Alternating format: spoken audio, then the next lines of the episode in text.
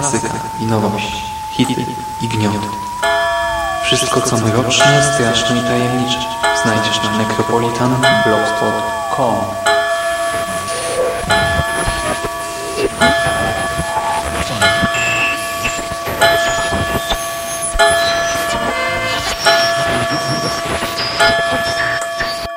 Witam w nawiedzonym podcaście.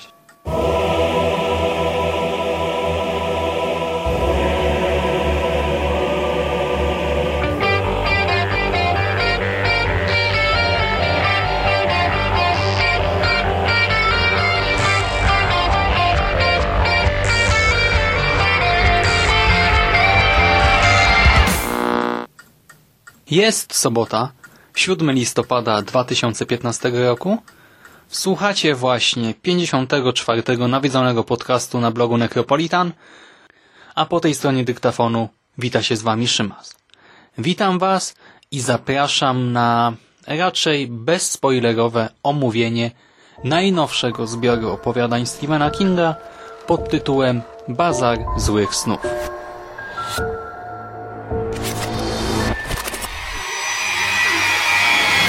Bazaar of Bad Dreams, new from Stephen King. Tak, porozmawiamy sobie dzisiaj o bazarze i wbrew nawiedzonej tradycji genezę powstania tego nagrania poznacie dopiero na koniec audycji, a teraz skupimy się na książce.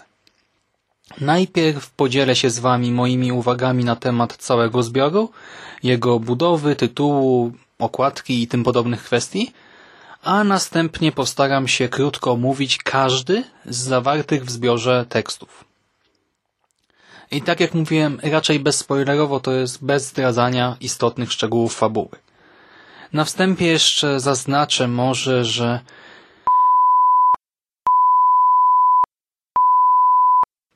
Mando i Jerry opublikowali przedwczoraj w Radiu SK dwugłos poświęcony temu właśnie zbiorowi opowiadań, ale ja nie będę się w żaden sposób do niego odnosił, do tego ich dwugłosu, tego ich omówienia, bo zwyczajnie nie słuchałem jeszcze ich rozmowy zrobiłem to celowo, by właśnie niczym się nie zasugerować i by nagrać zupełnie autonomiczne nagranie, a nie odwoływać się co pięć minut do tego, co koledzy tam właśnie powiedzieli.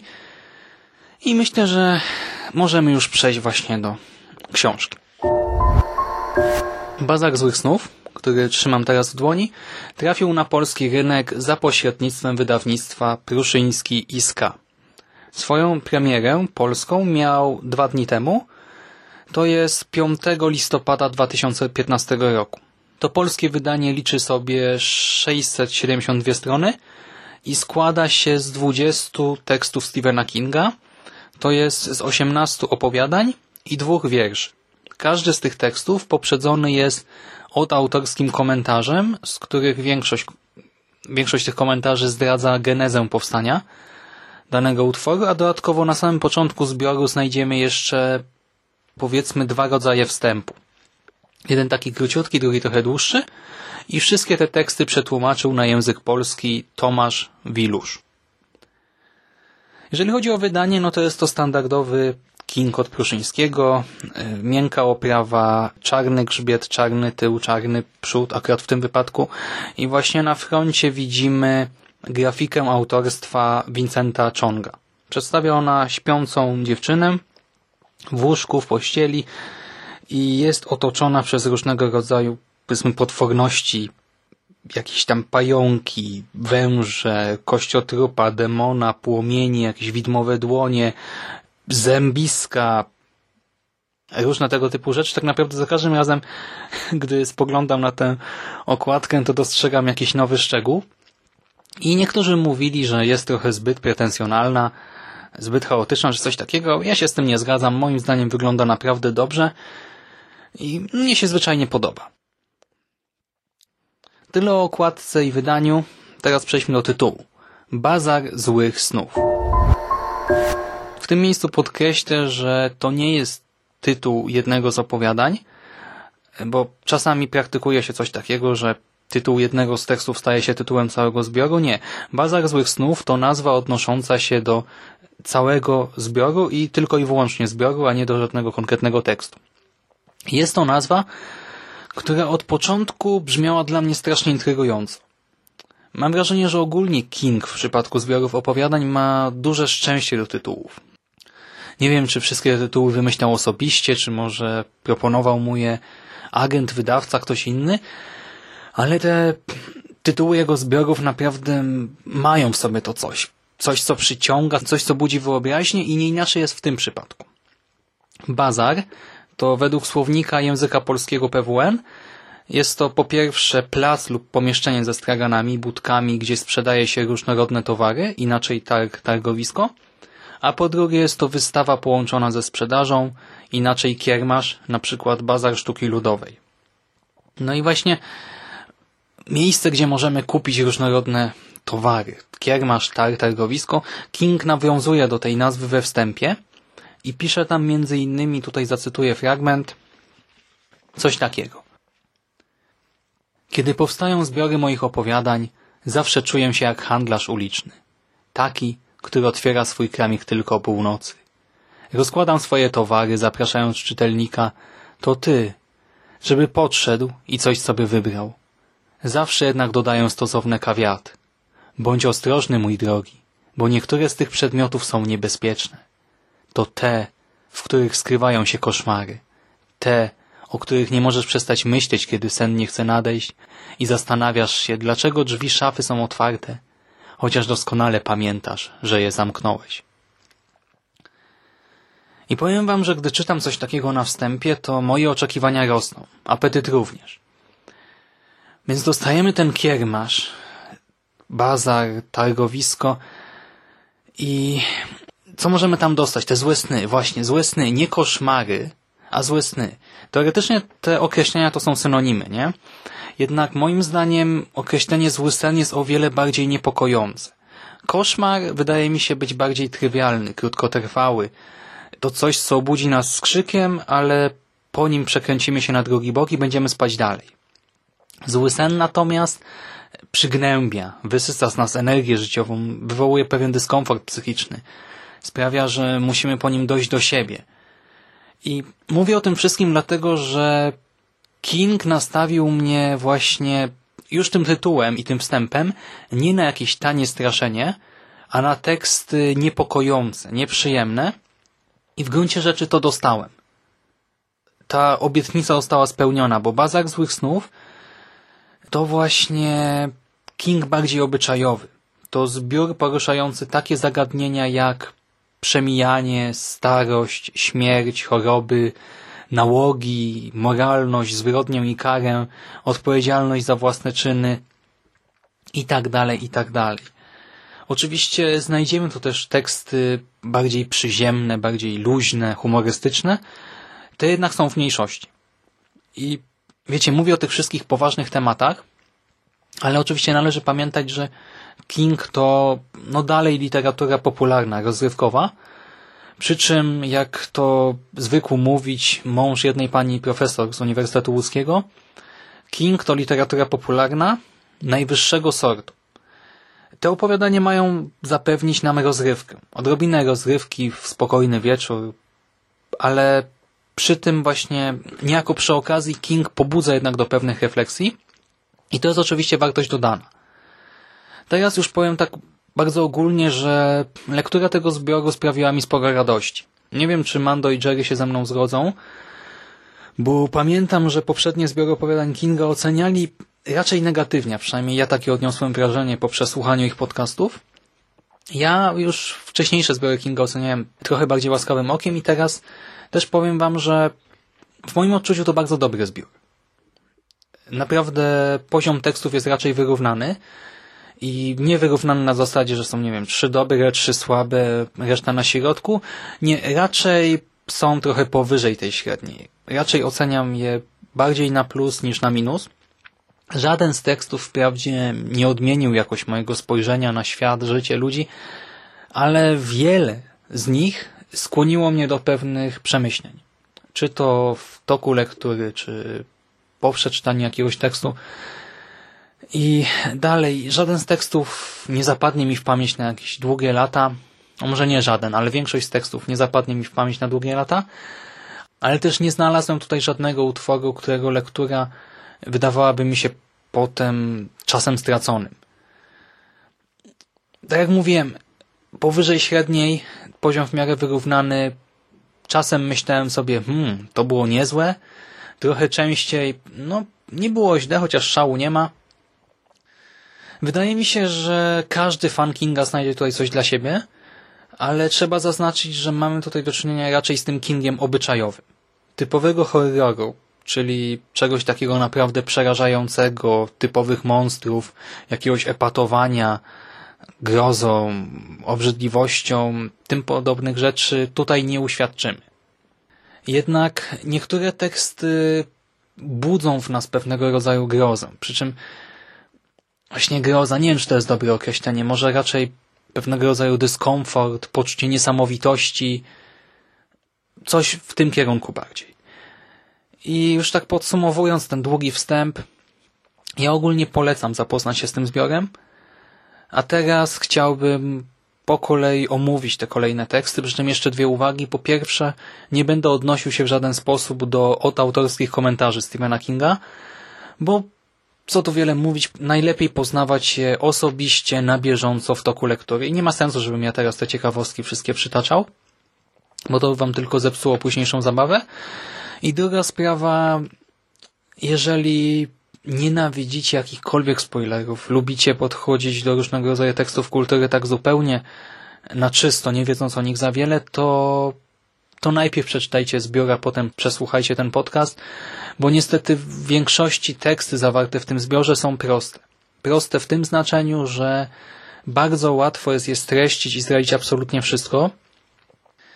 I ja oczywiście będę starał się unikać informowania Was o jakichś tam zwrotach akcji, takich naprawdę prawdziwych szczegółach fabuły, ale no niektóre teksty są tak proste, że jak powiem wam w dwóch zdaniach o co chodzi, no to będziecie znali 70% tekstu, tak? Przy czym to też niekoniecznie musi komukolwiek psuć zabawę, nawet jeżeli przywiązuje do tego dużą wagę, bo właśnie w tych tekstach wartością nadrzędną często nie są zwroty akcji. Nie jest to, że King nas czymś bardzo zaskakuje, a to jak właśnie czytelnik zareaguje na pewne zachowania czy przemyślenia bohaterów. Czasem istotne są właśnie te ostatnie zdania tekstu, które niekoniecznie mają być zaskoczeniem, a raczej jakimś podsumowaniem pewnej myśli przewodniej ukrytej między wersami. Nie wiem na ile to jest jasne, gdy teraz o tym opowiadam, ale zapewne gdybyście przeczytali ten zbiór i wysłuchali dalszej części podcastu, no to doskonale wiedzielibyście o czym mówię. I teraz już skupmy się na opowiadaniu. Opowiadanie, które otwiera ten zbiór, nosi tytuł 130 km. Jest to tekst, który opowiada o wydarzeniach, do jakich doszło na parkingu na autostradzie I-95, dokładnie na 130 kilometrze. Jest to trasa pomiędzy Bangor i Portland w Maine. Tam na tym parkingu grasuje wyglądająca jak samochód potworna istota i tam też na ten parking trafia kolejno kilka mniej lub bardziej przypadkowych osób i oczywiście dochodzi do nie do końca przyjemnych wydarzeń. King tutaj e, tworzy taką dość pokaźną charakterystykę każdej postaci, nawet jeżeli długo ona nie pożyje, przez co jest to tekst dość obszerny. Jest to najbardziej obszerne opowiadanie w zbiorze, ma prawie 60 stron, tak naprawdę nie dzieje się to jakoś szczególnie dużo, ale czyta się to bardzo płynnie. Płynie się przez ten tekst niemalże, ale jednak gdyby oceniać go w skali całego zbioru, to musiałbym stwierdzić, że jest to raczej słabszy tekst. Niestety samo to monstrum nie do końca zachwyca. Zakończenie nie jest najgorsze, ale pozostawia pewien niedosyt. I ogólnie czyta się to przyjemnie, ale po skończonej lekturze ma się wrażenie, że nie było to nic specjalnego. Do tego jest to jedno właśnie z niewielu opowiadań w stylu, nie wiem, może można by powiedzieć takiego starszego Kinga, właśnie z jakimś tam potworem, dziwną istotą, tajemnicą, takim wątkiem dość mocno fantastycznym. Obyczaju tutaj za wiele nie ma, No i to chyba wszystko, co mogę powiedzieć o tym tekście. Tekst drugi to Premium Harmony i opowiada on epizod z życia pewnego małżeństwa. Ray i Mary mają po 30 kilka lat, jadą sobie samochodem przez miasto, kłócą się różnego rodzaju rzeczy i w pewnym momencie zatrzymują się w pobliżu sklepu, May udaje się na małe zakupy i nagle coś się dzieje.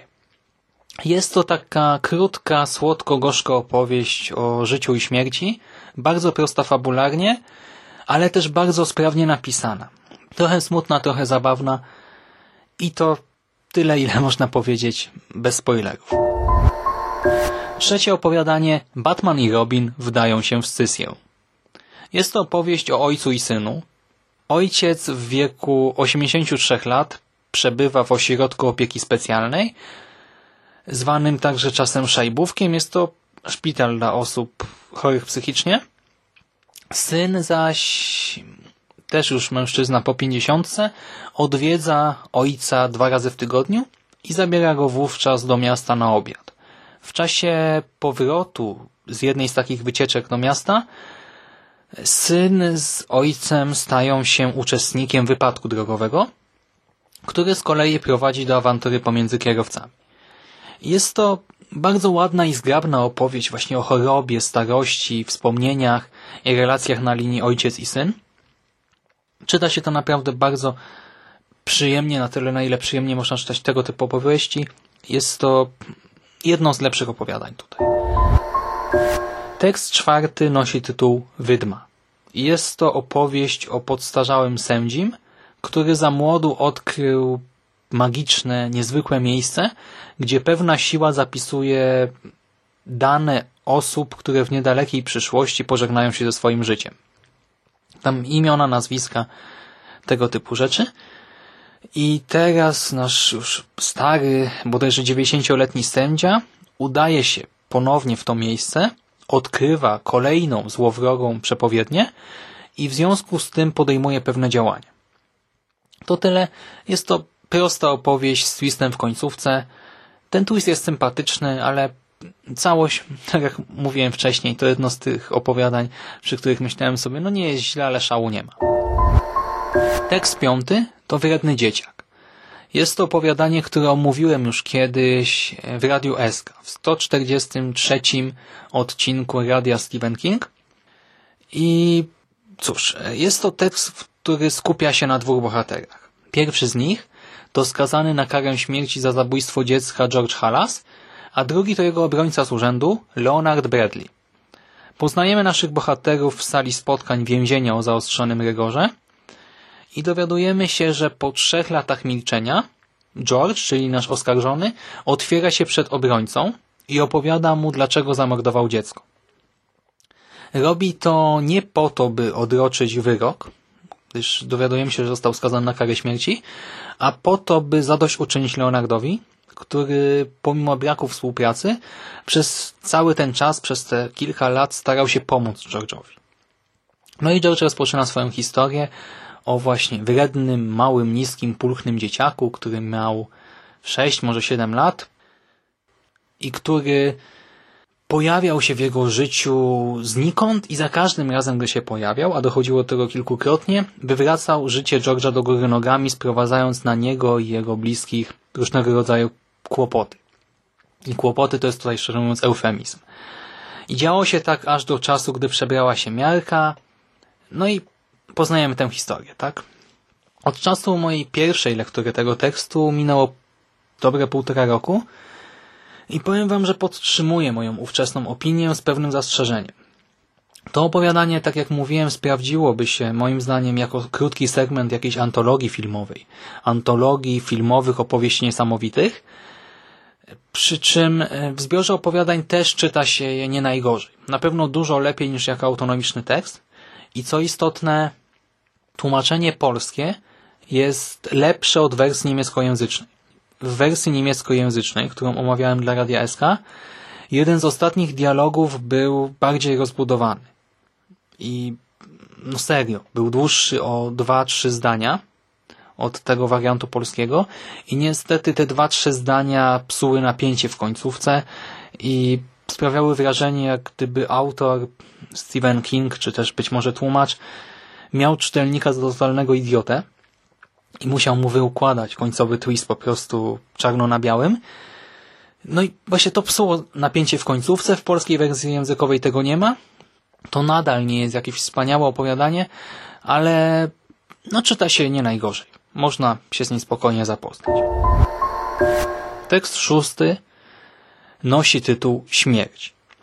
Opowiadanie to przenosi nas na dziki zachód, gdzie poznajemy historię Jima, prostego mężczyzny oskarżonego o zamordowanie dziecka w celu kradzieży posiadanej przez to dziecko srebrnej monety. Jest to genialne opowiadanie. Jedno z moich ulubionych z tego konkretnego zbioru jest napisane prostym, lakonicznym językiem. Świetnie, po prostu prześwietnie gra z oczekiwaniami czytelnika, wzbudza sporo różnych emocji i przynajmniej w moim wypadku zaskakuje finałem.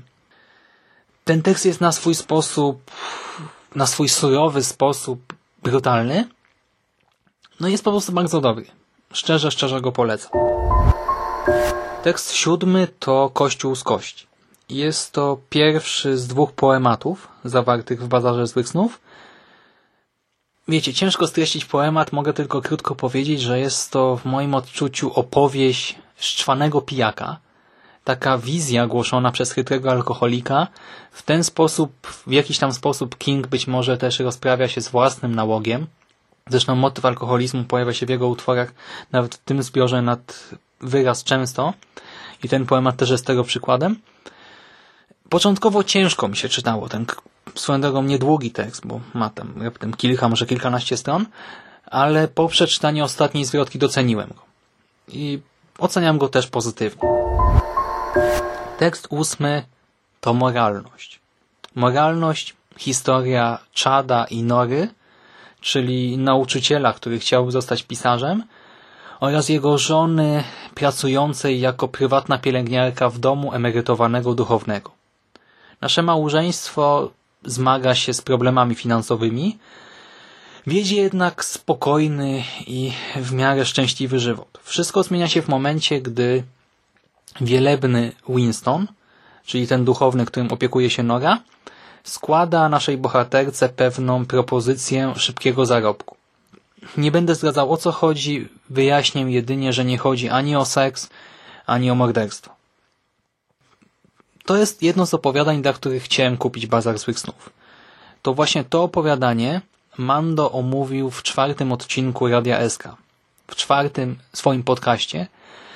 I to właśnie przez to opowiadanie i ten podcast uzależniłem się od głosu Huberta i zacząłem nałogowo słuchać podcastów, a teraz też nagrywam. I bardzo chciałem je przeczytać po polsku, na papierze. Jeżeli słuchaliście podcastu Mando, to wiecie o jaki czyn duchowny poprosił Norę. Jeżeli czytaliście opowiadanie też to wiecie. I to ten czyn zapadł mi najbardziej w pamięć. Spodziewałem się długich rozważań na temat moralności, czy też braku moralności w kontekście tego czynu. Jednak w tym tekście tego nie dostałem. Dostałem coś innego. Duża część opowiadania skupia się na konsekwencjach czynu. Na tym, jak jeden, właśnie, no nie oszukujmy się, niemoralny czyn może wpłynąć na życie swojego sprawcy. Nie kupuję wizji przedstawionej przez Kinga w 100%. Nie zgadzam się że ze wszystkimi tezami zawartymi gdzieś między wersami opowiadania, jednak nadal oceniam ten tekst bardzo dobrze. Porusza istotne problemy, zmusza do refleksji, na swój bardzo specyficzny sposób jest brutalny, dotyka czytelnika, dotyka jakichś tam czułych punktów u czytelnika i myślę, że warto go znać. Tekst kolejny nosi tytuł Życie po życiu. I King dzieli się w nim z nami, ze swoimi czytelnikami, wizją życia po życiu, czyli tego, co dzieje się z człowiekiem po śmierci, po ustaniu bicia serca. Wizja tam nie jest szczególnie ciekawa, jeżeli ma być szczery, i do tego mam wrażenie, że King starał się w niej poruszyć jeden dość istotny problem, związany z ideą właśnie życia po życiu, jednak problem ten nie wybrzmiał do końca w tym tekście no, dla mnie nie wybrzmiał wystarczająco. Tak więc ogólnie no, szału nie ma, idźmy dalej. Tekst dziesiąty to coś z zupełnie innej beczki nosi tytuł UR. Jest to opowiadanie o czytniku Kindle wyposażonym w funkcję UR, czyli funkcję zakupu dostępu do prasy i książek z innych wymiarów. Tekst ten był wykorzystywany przez Amazon jako reklama Kindla i reklama e-czytelnictwa. To też, no nie będę was okłamywał, nie spodziewałem się po nim niczego dobrego. W ogóle nie spodziewałem się po nim wiele, e, bo wprawdzie King wspomina, że nie napisał go w kontekście kampanii reklamowej, a po prostu wpadł na pomysł, spisał go i potem dopiero się zgłosił z tekstem do Amazona. Ale jednak, no nie spodziewałem się niczego dobrego, a jednak okazało się, że jest to jedno z lepszych opowiadań w zbiorze. Przynajmniej w moim odczuciu. Sam pomysł wyjściowy jest genialny, bo wyobraźcie sobie, powiedzmy zostaniemy przy Kingu, wyobraźcie sobie, że w innym wymiarze Stephen King napisał nie 50 kilka powieści i 10 zbiorów opowiadań, a dajmy na to nie wiem, 70 zbiorów opowiadań, nie, może nie, 70 powieści i 20 zbiorów opowiadań. No i wyobraźcie sobie, że nagle macie do tego dostęp, a w innym wymiarze napisał jeszcze inną ilość, mniejszą, większą, jakieś inne tytuły. I wyobraźcie sobie, że możecie właśnie poznać takie, jak gdyby nieznane dzieła swoich ulubionych pisarzy. Wyobraźcie sobie, że na przykład taki Mando e, znalazł dostęp do nieznanych dzieł Stephena Kinga. No przecież, no wow, no pomysł genialny po prostu. I realizacja tego pomysłu również stoi na wysokim poziomie. Do tego King rozbudował to wszystko o jeden dodatkowy szczegół, który dodaje właśnie taki wątek obyczajowy, pcha akcję opowiadania do przodu, buduje napięcie, prowadzi nas do wielkiego finału. I naprawdę czytamy tekst o czytniku Kindle z zapartym tchem. Do tego właśnie ten wątek obyczajowy, tutaj też pojawia się motyw alkoholizmu i kilka innych rzeczy. To jest też zaleta tego opowiadania, a oprócz tego dostajemy jeszcze nawiązania do Mrocznej Wieży. Jako kolejna wartość dodana. I powiem wam, że nawet finał zaskoczył mnie na plus, co było o tyle niesamowite, że ja na ogół nie lubię happy endów e, w takich opowiadaniach. Znaczy, zarówno w grozie, jak i w tekstach takich bardziej obyczajowych, a tutaj ten finał wydał mi się naprawdę na miejscu i podobało mi się całe opowiadanie.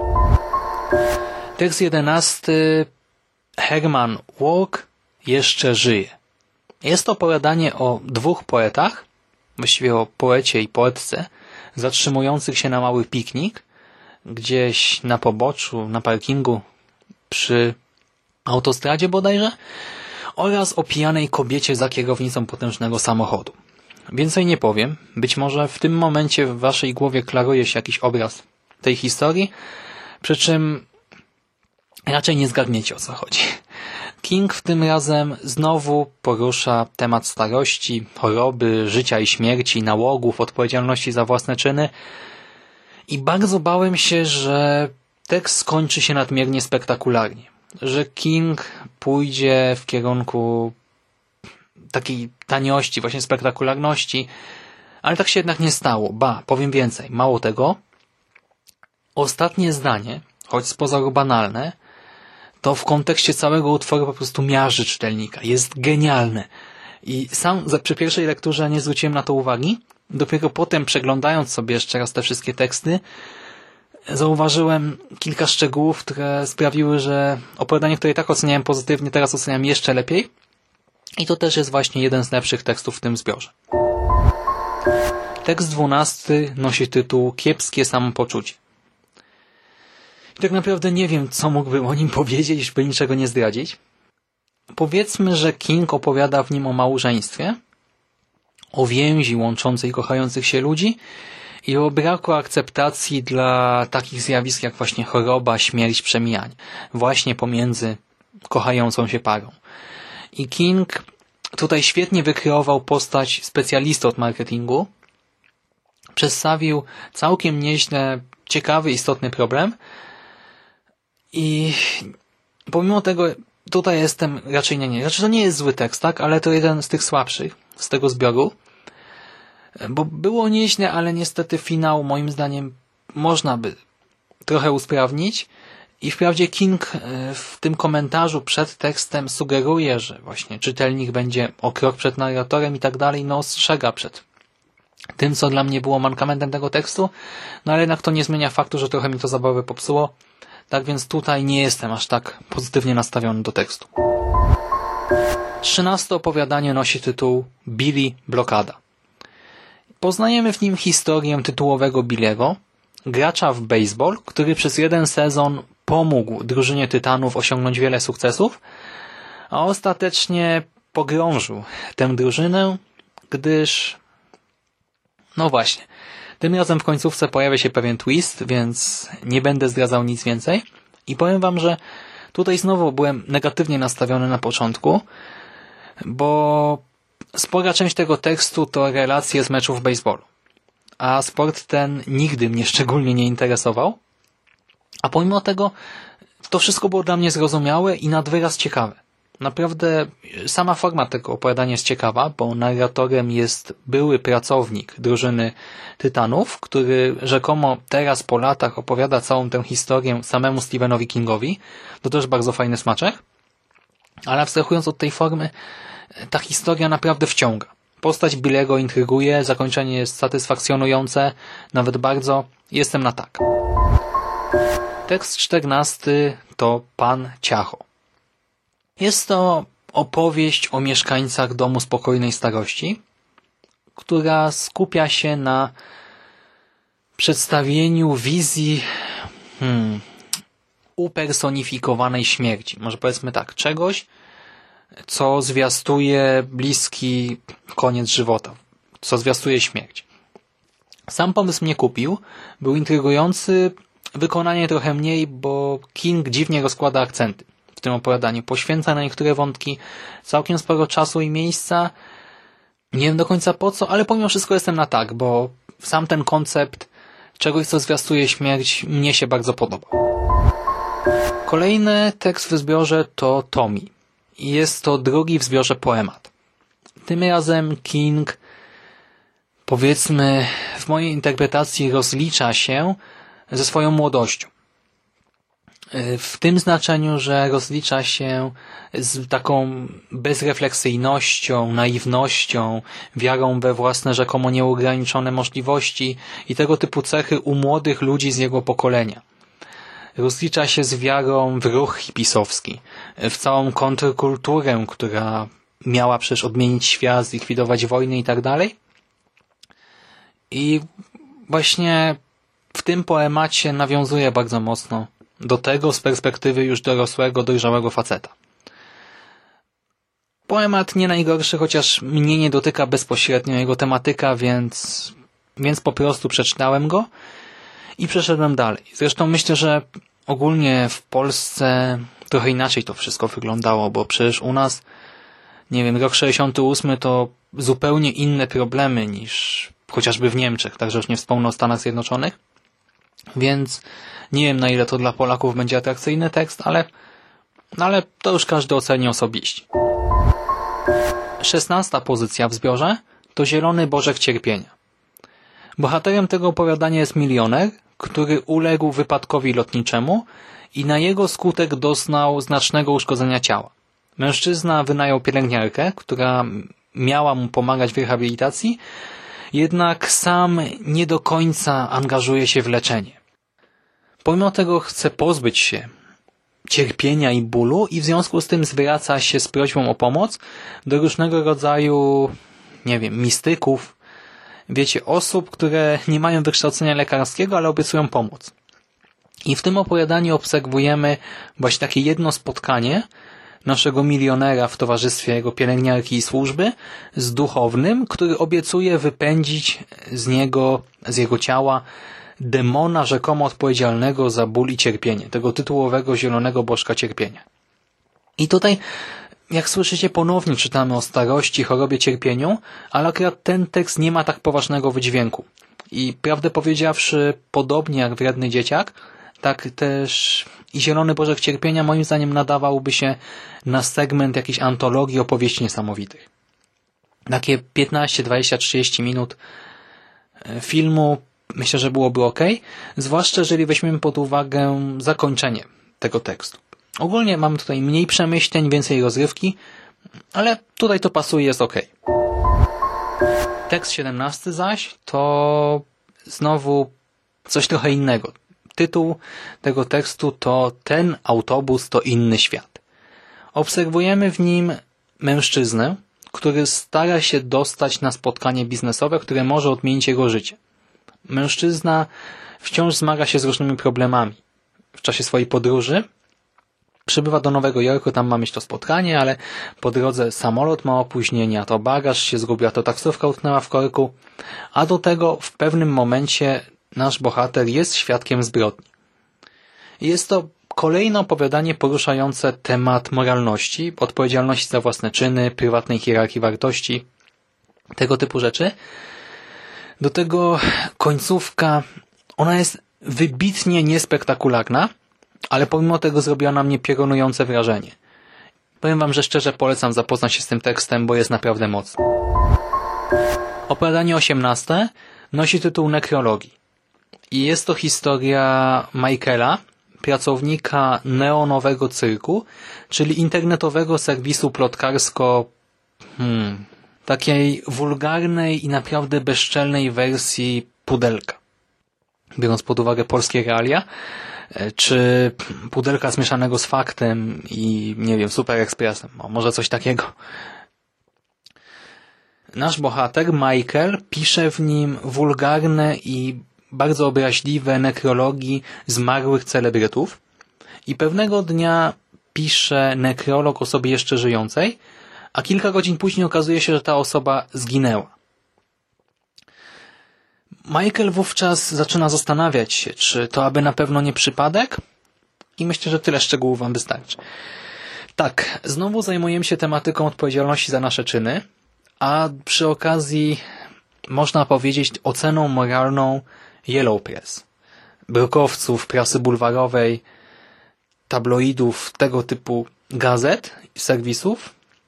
I King tutaj, właśnie King nie pozwala sobie na taką prostą krytykę tego brokowego plotkarskiego dziennikarstwa. Ogólnie nie mamy tutaj takiego prostego moralizatorstwa, ale w pewnym sensie poprzez przedstawienie tych konkretnych realiów pracy właśnie takiego dziennikarza, takiego serwisu, no obrywa się tutaj w tym tekście w jakiś sposób zarówno dziennikarzom, jak i czytelnikom tego typu prasy, jeżeli można tak ująć, jak i samym celebrytom, którzy jak być może wiecie, często chcą wręcz, by o nich pisano, nieważne jak byleby pisano. Ja studiowałem dziennikarstwo, w związku z czym kontekst tej historii wydał mi się szczególnie interesujący i naprawdę czytało mi się to z dużą przyjemnością ale myślę, że nawet dla kogoś, kto nie interesuje się tym środowiskiem, będzie to ciekawy tekst. Do tego King pokazuje w nim dwie bardzo odmienne przemiany wewnętrzne takich pseudodziennikarzy. Pokazuje możliwe scenariusze tego, co dzieje się z osobą, która zajmuje się właśnie taką działalnością i to wszystko jeszcze jest okraszone nutką paranormalności, tajemnicy, jest to bardzo sympatyczna mieszanka i ten tekst też oceniam raczej dość pozytywnie. Tekst 19, przedostatni, to opowiadanie bardziej humorystyczne. Opowieść o corocznej rywalizacji na najlepszy pokaz pirotechniczny, rywalizacji pomiędzy dwiema rodzinami, pomiędzy takimi zapijaczonymi Amerykanami, matką i synem, a dość dużą rodziną e, bogaczy, prawdopodobnie włoskiego pochodzenia. Tutaj mamy ponownie do czynienia z taką pierwszoosobową narracją. Tym razem narratorem jest młody mężczyzna, który wyjaśnia policji, od czego zaczęła się wspomniana rywalizacja i na czym się skończyła i czym się skończyła. I właśnie nie brakuje tutaj mniej lub bardziej subtelnego humoru. King do tego doskonale stopniuje napięcie Konflikt zaczyna się dość niepozornie, a kończy całkiem efektownie.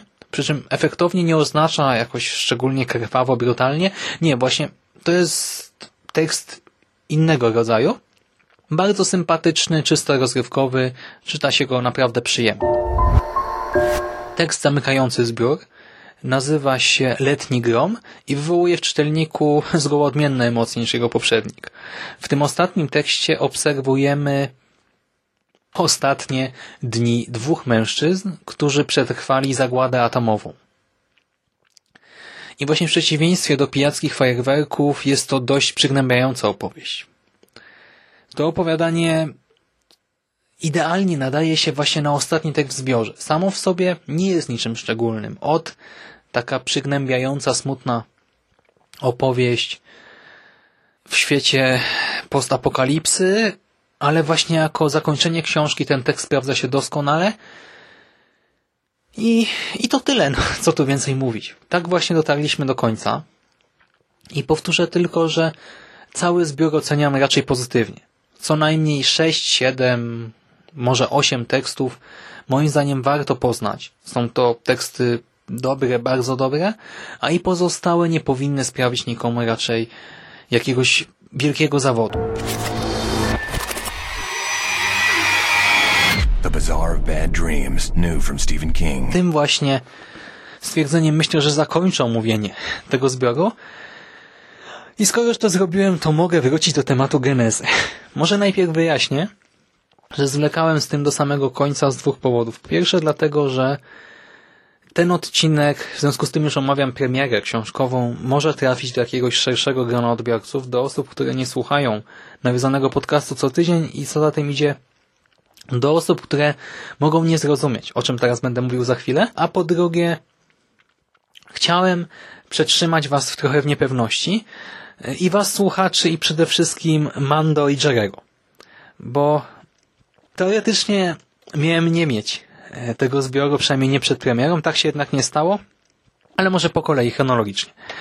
Jak zapewne stali słuchacze konglomeratu podcastowego wiedzą, Mando bardzo zależało na tym, by dostać prebooka Bazaru Złych Snów, egzemplarz prasowy, jednak przez jakiś czas nie mógł go dostać, bo okazało się, że Pruszyński wysłał już jeden egzemplarz dla serwisu StephenKing.pl, a właśnie da jeden egzemplarz na serwis i tak dalej. Mando już nawet zaoferował się, że zapłaci i to grube pieniądze za to, żeby otrzymać tego prebooka, by go od kogoś odkupić w tym sensie. I wtedy sobie pomyślałem, kurczę, w sumie to prowadzę już ten Necropolitan na rok. Może i na Facebooku nie mamy jakoś szczególnie wielu fanów, ale jeżeli chodzi o wyświetlenia i tak dalej, no to statystyki wyglądają całkiem nieźle. Do tego przecież mam różne inne afiliacje, bo współpracuję też z innymi serwisami, przecież jestem redaktorem na Carpe Noctem, jestem członkiem Trickstera i uznałem, że może odezwę się do Pruszyńskiego właśnie z prośbą o prebooka, a gdyby udało mi się go otrzymać, no to albo bym go szybko przeczytał i napisał jakąś recenzję czy coś i odesłał go Mando, albo nawet po prostu mu go przesłał, by miał już go przed premierą, a ja potem sobie i tak pewnie kupię mój zwyczajny egzemplarz. No bo po co ma płacić komuś nie wiadomo jakie pieniądze, jak przecież może akurat uda się to załatwić tak bez żadnych kosztów, nie? Tam nie wiem, 6 zł za wysyłkę czy coś takiego. Pojawił się jednak malutki problem, to znaczy nie wiedziałem do końca jak odezwać się do wydawcy. Nigdy wcześniej tego nie robiłem, bo po pierwsze dlatego, że wcześniej stwierdzałem cały czas, że e, nie masz jakiejś super znanej, super ważnej witryny, gazety, czegoś takiego, więc no, co się będziesz zgłaszał i tak nikt ci niczego nie da, potem głupio tak się zgłaszać, zwłaszcza, że ja nie lubię być nikomu niczego dłużny. I długo zajęło mi wpojenie sobie do głowy, że tak naprawdę to wydawca zyskuje, tak, bo ja mu napędzam promocję która normalnie kosztuje grube pieniądze, a tak naprawdę on mi teraz co? No daje mi jedną książkę, płaci za wysyłkę, zresztą ma pewnie umowę z Pocztą Polską, więc tam płaci jakieś grosze, a ma dzięki temu promocję, mówi się o książce, jest głośno, ludzie ją kupują i tak dalej, więc dla niego to jest sam zysk, a ja też muszę włożyć trochę swojej pracy, tak przeczytać 670 stron, przemyśleć to, zrobić notatki, napisać tekst, nagrać recenzję i tak dalej, i tak dalej. No i w końcu jak już sobie ułożyłem w głowie, że nie ma co się martwić, trzeba pisać do tego wydawcy, doinformowałem się też u innych osób, jak wygląda na przykład mail do wydawcy, bo oczywiście nie mogłem po prostu napisać. Zacząłem się zastanawiać, hmm, dobra, to podam wszystkie afiliacje, tak, ale czy podawać statystyki tych witryn, z którymi współpracuję, czy podawać od kiedy, coś tam. Oczywiście zacząłem wynajdywać milion problemów, jak już wszystko mi się w głowie ułożyło, napisałem maila, okazało się, że Mando otrzymał już potwierdzenie, że dostanie swojego audiobooka jednak I okazało się także, że Jerry też napisał do Prusa i również otrzymał potwierdzenie, że dostanie swojego prebuka. Uznałem, że aha, no to już się nie muszę starać, ale z drugiej strony co mi szkodzi, tak? Może akurat dostanę też jeden egzemplarz dla siebie i będziemy mogli nagrać podcast we trójkę, na przykład dla Radia SK.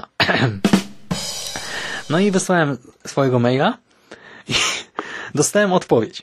Panie Szymonie, obawiam się, że ubiegł pana kolega, Michał Rakowicz, również z Karpenoktem.pl i StephenKing.pl. Uśmiechnięta emotka.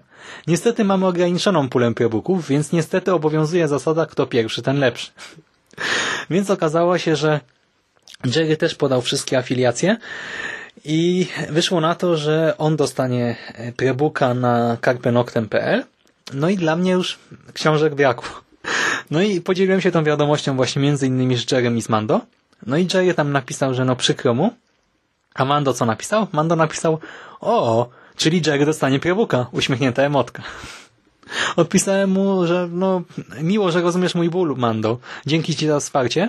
A ten mi dalej uśmiechnięte emotki wali i w sumie, jakbyś dostał, to byśmy musieli trio zrobić i wyszłyby trzy godziny nagrania. Chyba dobrze, że nie dostałeś.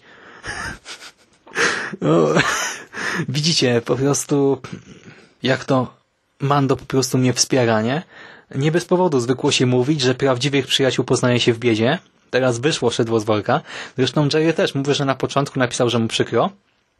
Ale jeżeli słuchaliście ostatniego nawiązanego podcastu do końca, to w bloopersach wyszło. Jakim bardzo przykro, nie? O, o my mamy, ty nie masz. O, o. Jeszcze tak mi się skojarzyło, wy teraz czytacie Bazar złych snów, nie? I... Tak, my czytamy.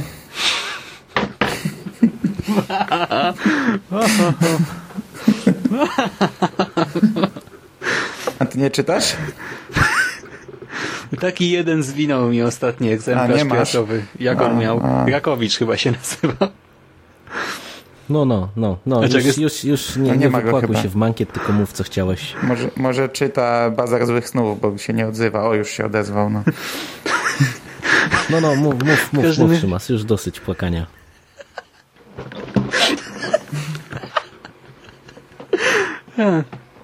W każdym razie w bazę... Bo pójdziemy sobie poczytać Bazar Złych Snów, no jak nie zaczniesz. No mów, bo ci przerwałem. Serio?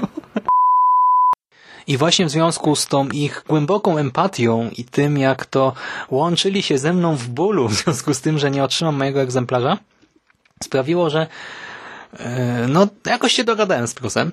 Tego maila naprawdę dostałem wstępnego odmownego, ale udało mi się podbić stawkę i otrzymać jednak ostatecznie mój egzemplarz, za który zresztą no, dziękuję wydawnictwu, zwłaszcza, że się okazało, że to naprawdę fajna książka, fajny zbiór.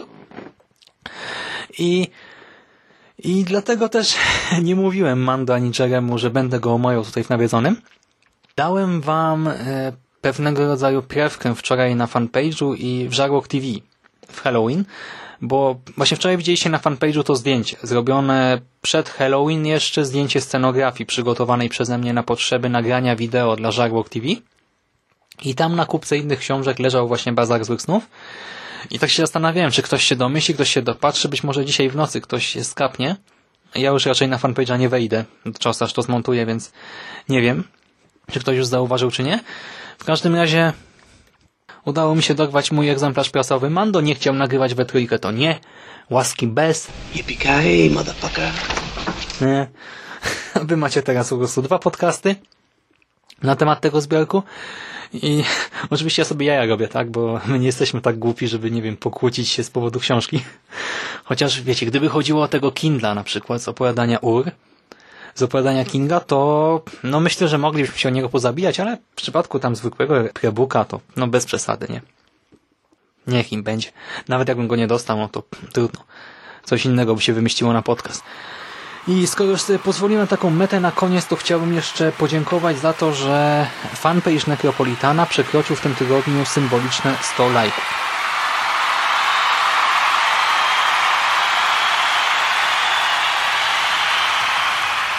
Ja wiem, że to tylko bzdurna statystyczka, ale no pomimo wszystko miło jest obserwować jakiś tam nawet taki właśnie cyferkowy, numerkowy wzrost zainteresowania serwisem i dziękuję również Bogusi za poinformowanie mnie o tym fakcie, bo niestety Ostatnio nie ogarniałem za bardzo rzeczywistości i pewnie by mi to umknęło, przynajmniej do czasu, aż wyzdrowię i dojdę do siebie. I jeszcze na koniec e, jedna prywatna uwaga. E, mówiłem o tym właśnie bazarze złych snów, tak, o tych złych snach, koszmarach. I właśnie ja ostatnio, e, nie wiem czy to było słychać w nagraniu, ale dopadło mnie jakieś wstrętne choróbsko i starałem się leczyć domowymi sposobami. Wiecie, nie wiem, gorące mleko z miodem, czosnkiem, masłem, cebula zasypana cytryną, boże, zasyp... cebula zasypana cukrem, w ogóle czosnek, cebula w dużych ilościach. Dzisiaj to chyba z pół kilo, tak przerobiłem. Jeden dzień spędziłem w ogóle cały w łóżku, bo mnie tak zmogło, że e, no, nie nadawiam się do niczego. I skończyłem czytać dwa dni temu ten zbiór i nie wiem, czy to przez choroby, bo w sumie nie mam wysokiej gorączki, cały czas w okolicy stanu podgorączkowego. E, I właśnie nie wiem, czy to przez chorobę, ogólne przemęczenie, czy przez ten zbiór, ale od dwóch dni nękają mnie właśnie dziwne i złe sny.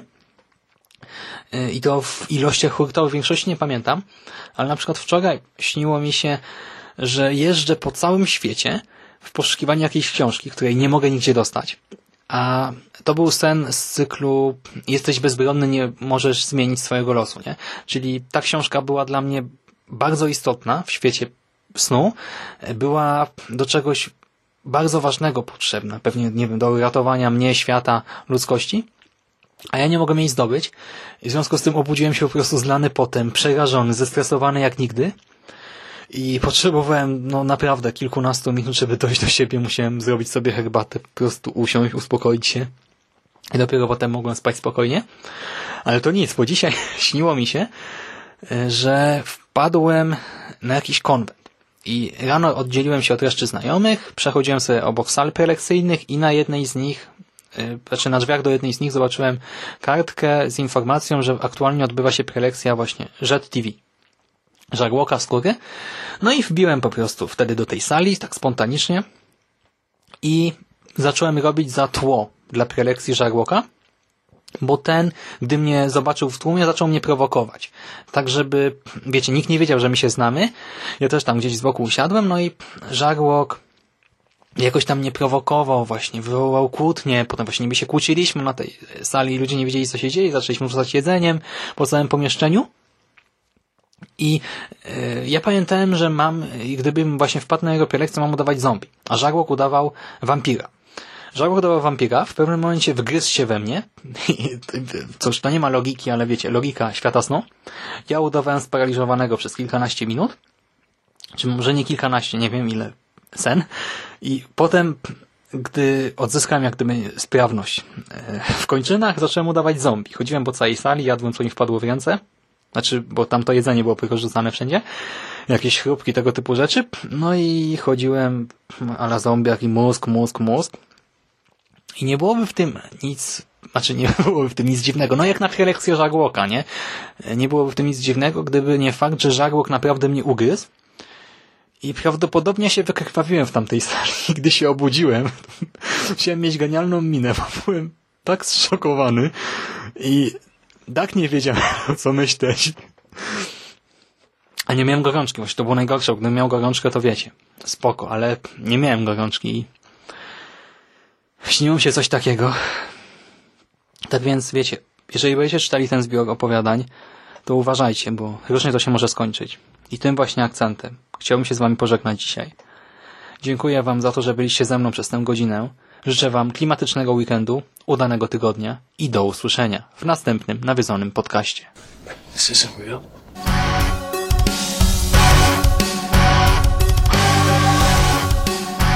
A już za tydzień w kolejnym nawiedzonym podcaście.